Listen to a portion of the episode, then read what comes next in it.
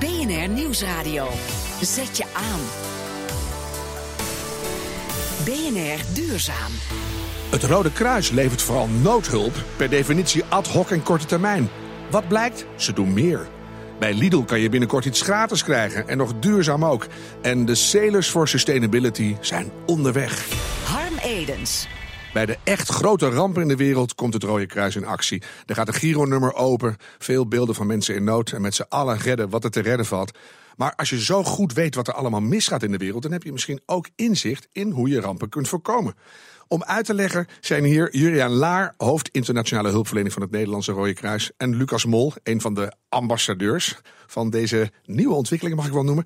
Uh, Juriaan, mag ik met jou beginnen? Deze week kwam er het bericht dat een aantal vluchtelingen in de wereld, dat is echt op een all-time high.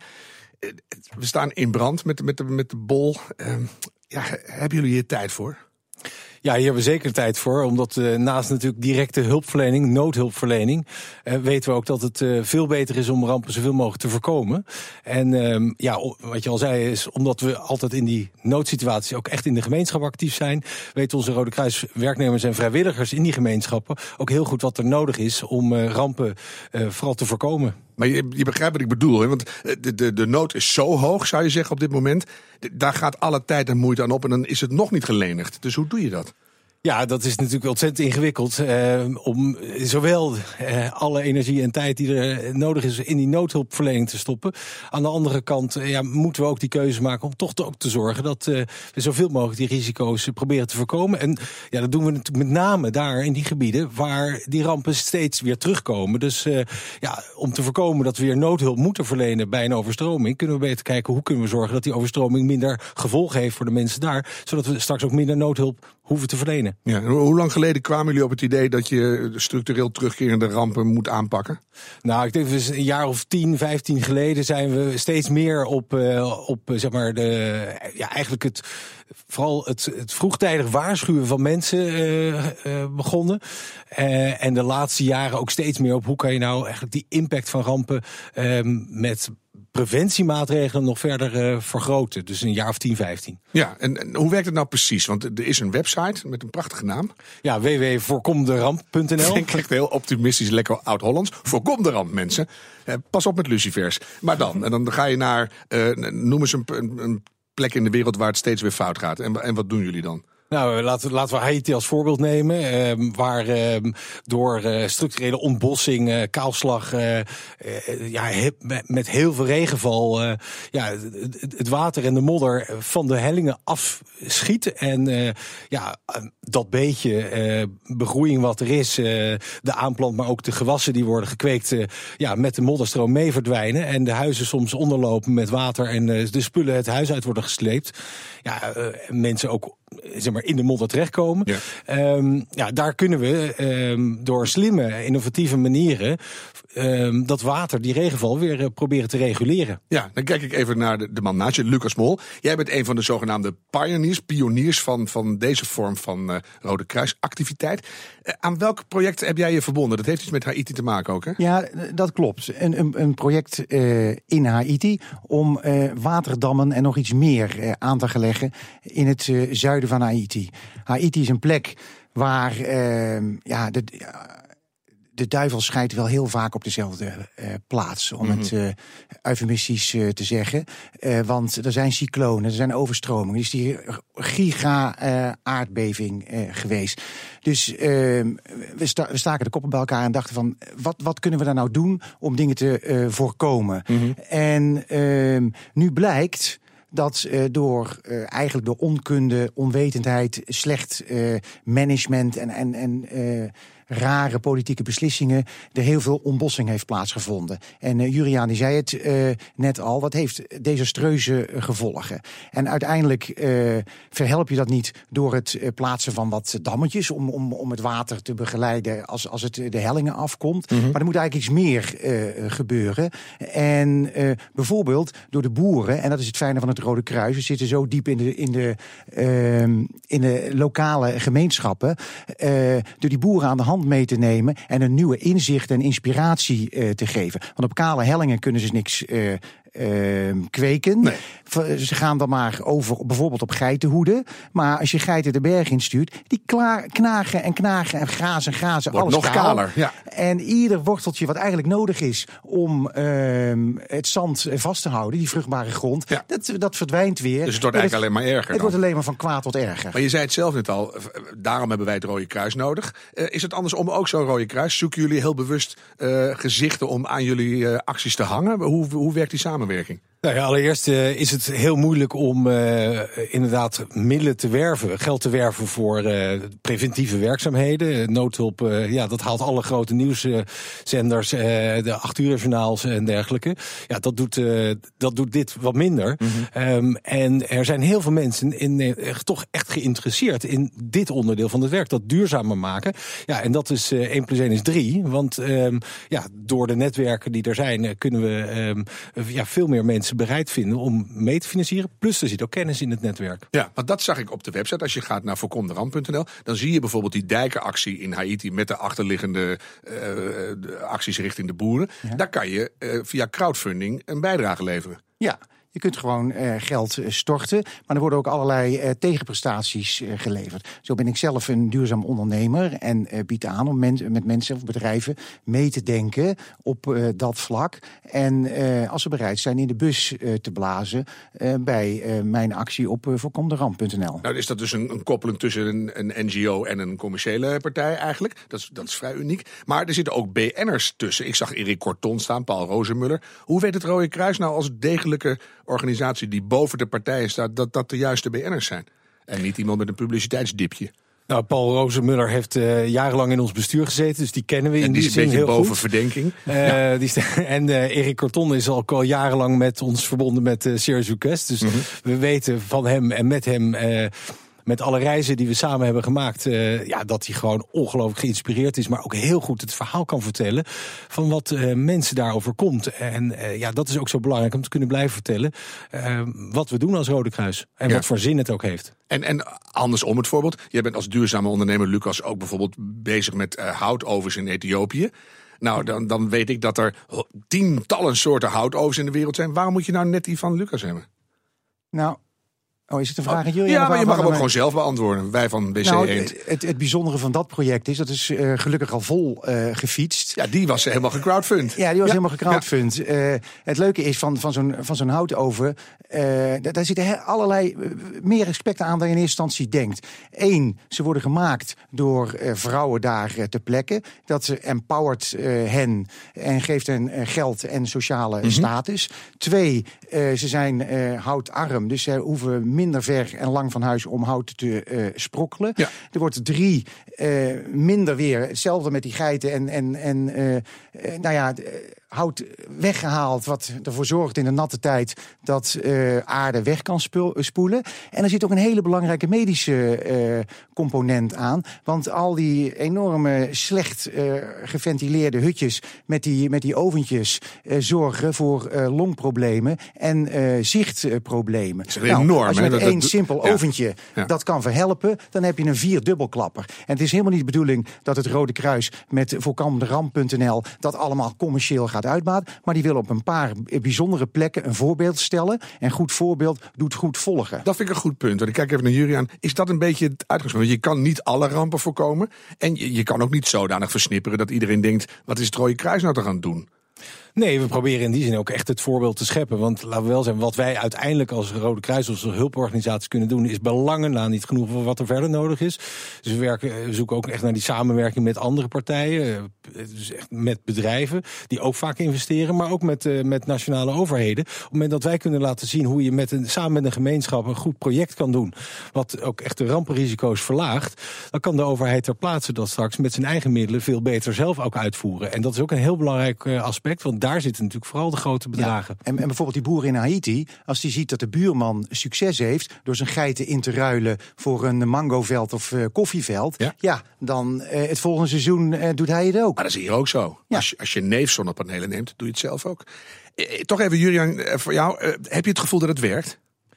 Ja, ik heb absoluut het gevoel het werkt. Ik heb zelf uh, ben ik in, in Haiti geweest en heb ik uh, dat project gezien. Maar ik ben ook in Ethiopië geweest, waarbij ik het totale landschap heb zien veranderen. Maar van, ook andersom. Dus snappen de Nederlanders wat jullie aan het doen zijn? Nou ja, dit, dit is denk ik belangrijk dat we dit soort momenten hebben om erover te kunnen spreken. Want ik denk dat we vooral natuurlijk echt bekend zijn voor de rampenhulpverlening. En dat is ook goed. Maar we willen natuurlijk ook zorgen dat mensen niet weer getroffen worden door diezelfde ramp. Je hebt het heel, heel duidelijk uitgelegd volgens mij. Dank jullie wel. Julian Laar, hoofd internationale hulpverlening van het Nederlandse Rode Kruis. En Lucas Mol, een van de duurzame ambassadeurs hiervan. Ja. Straks zeilen we de wereld over op zoek naar duurzame oplossingen. En gaan we gratis stroom tanken bij de Lidl.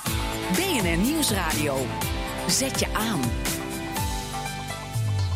BNR Duurzaam. Twee weken geleden was hier Ivar Smits, die samen met Floris van Hees de komende vijf jaar de wereld over gaat zeilen op zoek naar duurzame uitvindingen en oplossingen. En hoera, ze zijn vertrokken. Floris en Ivar, waar zijn jullie op dit moment? Dag Harm, uh, we liggen momenteel in Harlingen. Harlingen. Exotisch, hè? Ja, nog niet echt ver, mannen. Wat is er gebeurd tot nu toe? Nou, we zijn uh, precies een week geleden vertrokken en we hadden wat gepland onderhoud in Lemmer van de motor. Maar we wachten nu uh, op uh, het klassieke kompas. Dat moet uit Engeland komen en is nog onderweg.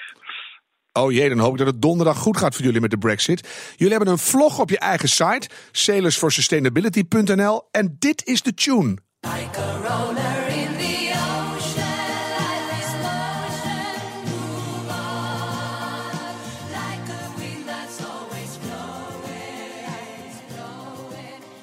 Van ABBA, van waar deze retro-keuze?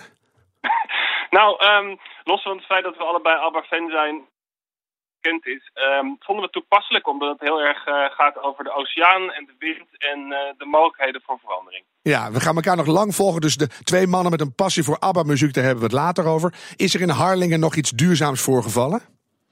Ja, we maken lokale contacten. Dus we hebben met de, de eigenaar van de biologische supermarkt uitgebreid gesproken. Hij is hier aan boord gekomen. En uh, wellicht dat we nog op bezoek gaan bij een biologische boerderij hier in de buurt. Ja, ja, maar dat gaat natuurlijk uiteindelijk om dingen die wij graag willen horen, die we nog niet wisten. Is er al een soort innova innovativiteitje omhoog gekomen? Wat een woord. Nou, we zijn vooral bezig uh, met het leggen van contacten uh, en onderzoek naar de plaatsen waar we nog naartoe gaan. Mm -hmm. Dan willen we naar Noord-Duitsland binnenkort, eigenlijk onze eerstvolgende bestemming. Ja. En daar gaan we naar een boerderij waar ze gave dingen doen met voedsel boerenbiologisch, betrekken de gemeenschap bij de financiering en vergroten ook zo het bewustzijn van hun klanten bij de herkomst van hun eten. Ja, dat zijn goede dingen. Waar zitten jullie op dit moment? Want het klinkt alsof jullie al rond Madagaskar aan het zeilen zijn.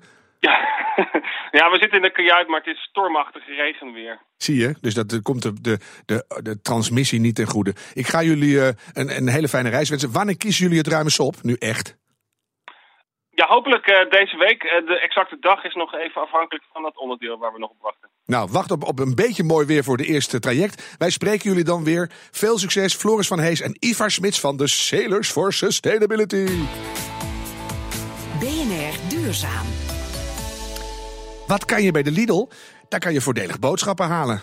Maar nog veel voordeliger, ze hebben binnenkort gratis stroom voor je auto. Gratis. Hoe dat zo, Marlijn Somhorst, manager Corporate Responsibility van Lidl. Ja, goedemiddag.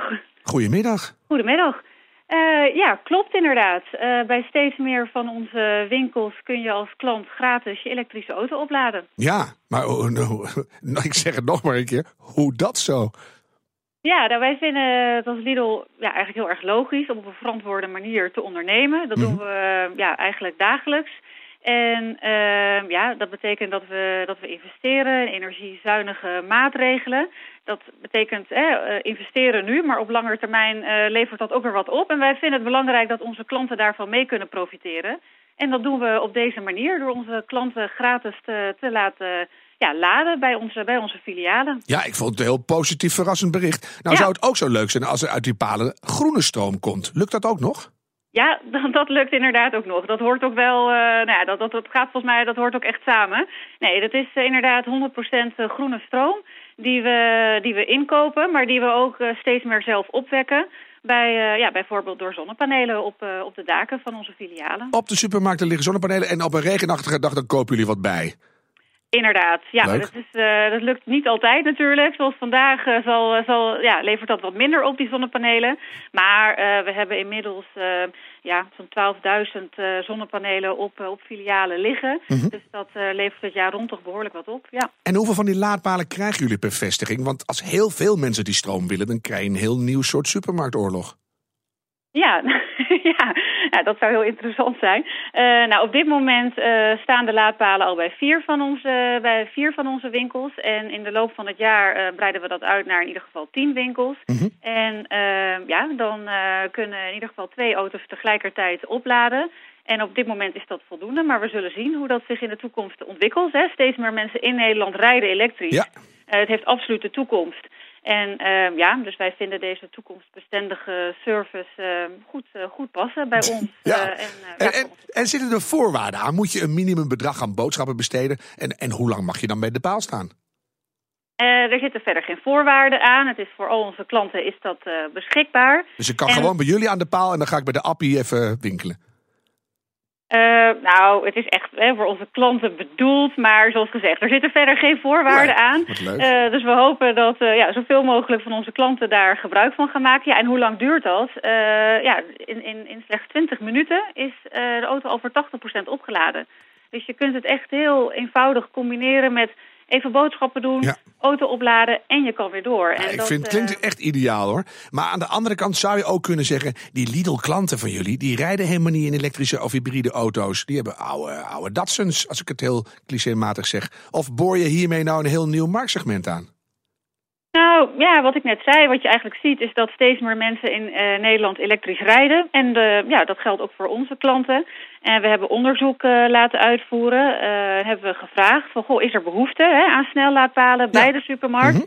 En eh, nou, daaruit is gebleken dat bijna 90% van de mensen die elektrisch rijdt, die laat regelmatig buitenshuis op. Nou, ja, ik zou het ideaal vinden hoor. Dus eh, Ja, ik en- ga een Lidl zoeken.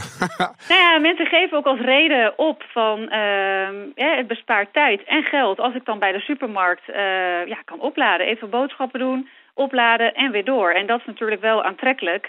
Eh, want wat je ja, toch nog veel ziet is dat oplaadpalen bijvoorbeeld langs de snelweg staan. Nou, dat is ook belangrijk natuurlijk. Eh, hè, die hele infrastructuur moet goed zijn. Ja, maar je bent alweer mensen- leeg voor je er aankomt. Dus eh, ik, ik snap je punt. Ik ga Ja. je eh, enorm veel succes wensen. Nederland heeft al ongeveer de goedkoopste boodschappen van Europa. En ook nog gratis stroom. Volgens mij wonen we in het paradijs. Dankjewel. Marlijn Somhorst, manager Corporate Responsibility van Lidl. De minuut van de waarheid. Wat kunnen we doen aan klimaatverandering? Dat is een effectievere vraag dan wat kan jij doen aan klimaatverandering? Al dus HP de tijd. Maar klopt zo'n bewering ook? Redacteur André van Arnhem zoekt het uit. Het lijkt misschien een niet erg wetenschappelijke stelling, maar het artikel suggereert wel dat het voortkomt uit wetenschappelijk onderzoek. Factchecker deze keer is Linda Steg, hoogleraar omgevingspsychologie aan de Rijksuniversiteit Groningen. En zij snapt de gedachte achter de stelling. Als je na gaat denken over wat jij bijdraagt, dan denk je, ja, valt allemaal wel mee. Als je nagaat wat we samen bijdragen, denk je, oh, dit probleem is best wel groot. En we weten uit onderzoek, na, naarmate mensen een hoger probleembewustzijn hebben, dat ze ook eh, eh, er meer over na gaan denken wat ze zelf zouden kunnen doen en wat ze zelf zouden kunnen bijdragen. Er is alleen één probleem. De stellingen wordt niet onderbouwd door het onderzoek. Het onderzoek klopt dus eigenlijk niet. Nou, ik zeg niet dat het onderzoek niet deugt, maar eh, dat de conclusie dat eh, eh, die niet aansluit bij de onderzoek wat is gedaan. Want onderzocht is in hoeverre mensen zichzelf schuldig achten aan de klimaatproblemen, niet hoe ze denken over het oplossen ervan. Hun onderzoek richtte zich niet op mensen na laten denken over wat ze zelf kunnen doen of wat we samen kunnen doen, maar ze richten zich op de vraag wat ze zelf nu bijdragen aan de problemen of eh, in welke mate we samen bijdragen aan de problemen. Nog een keer terug naar de stelling. Wat kunnen we doen aan de klimaatverandering is een effectievere vraag dan wat kan jij doen aan klimaatverandering? Maar dat is dus niet bewezen en dus is de stelling. Deels onwaar. Straks staat hier Petra Grijze met BNR Spitsuur. Ik zeg, hou hoop en doe het duurzaam. Tot volgende week.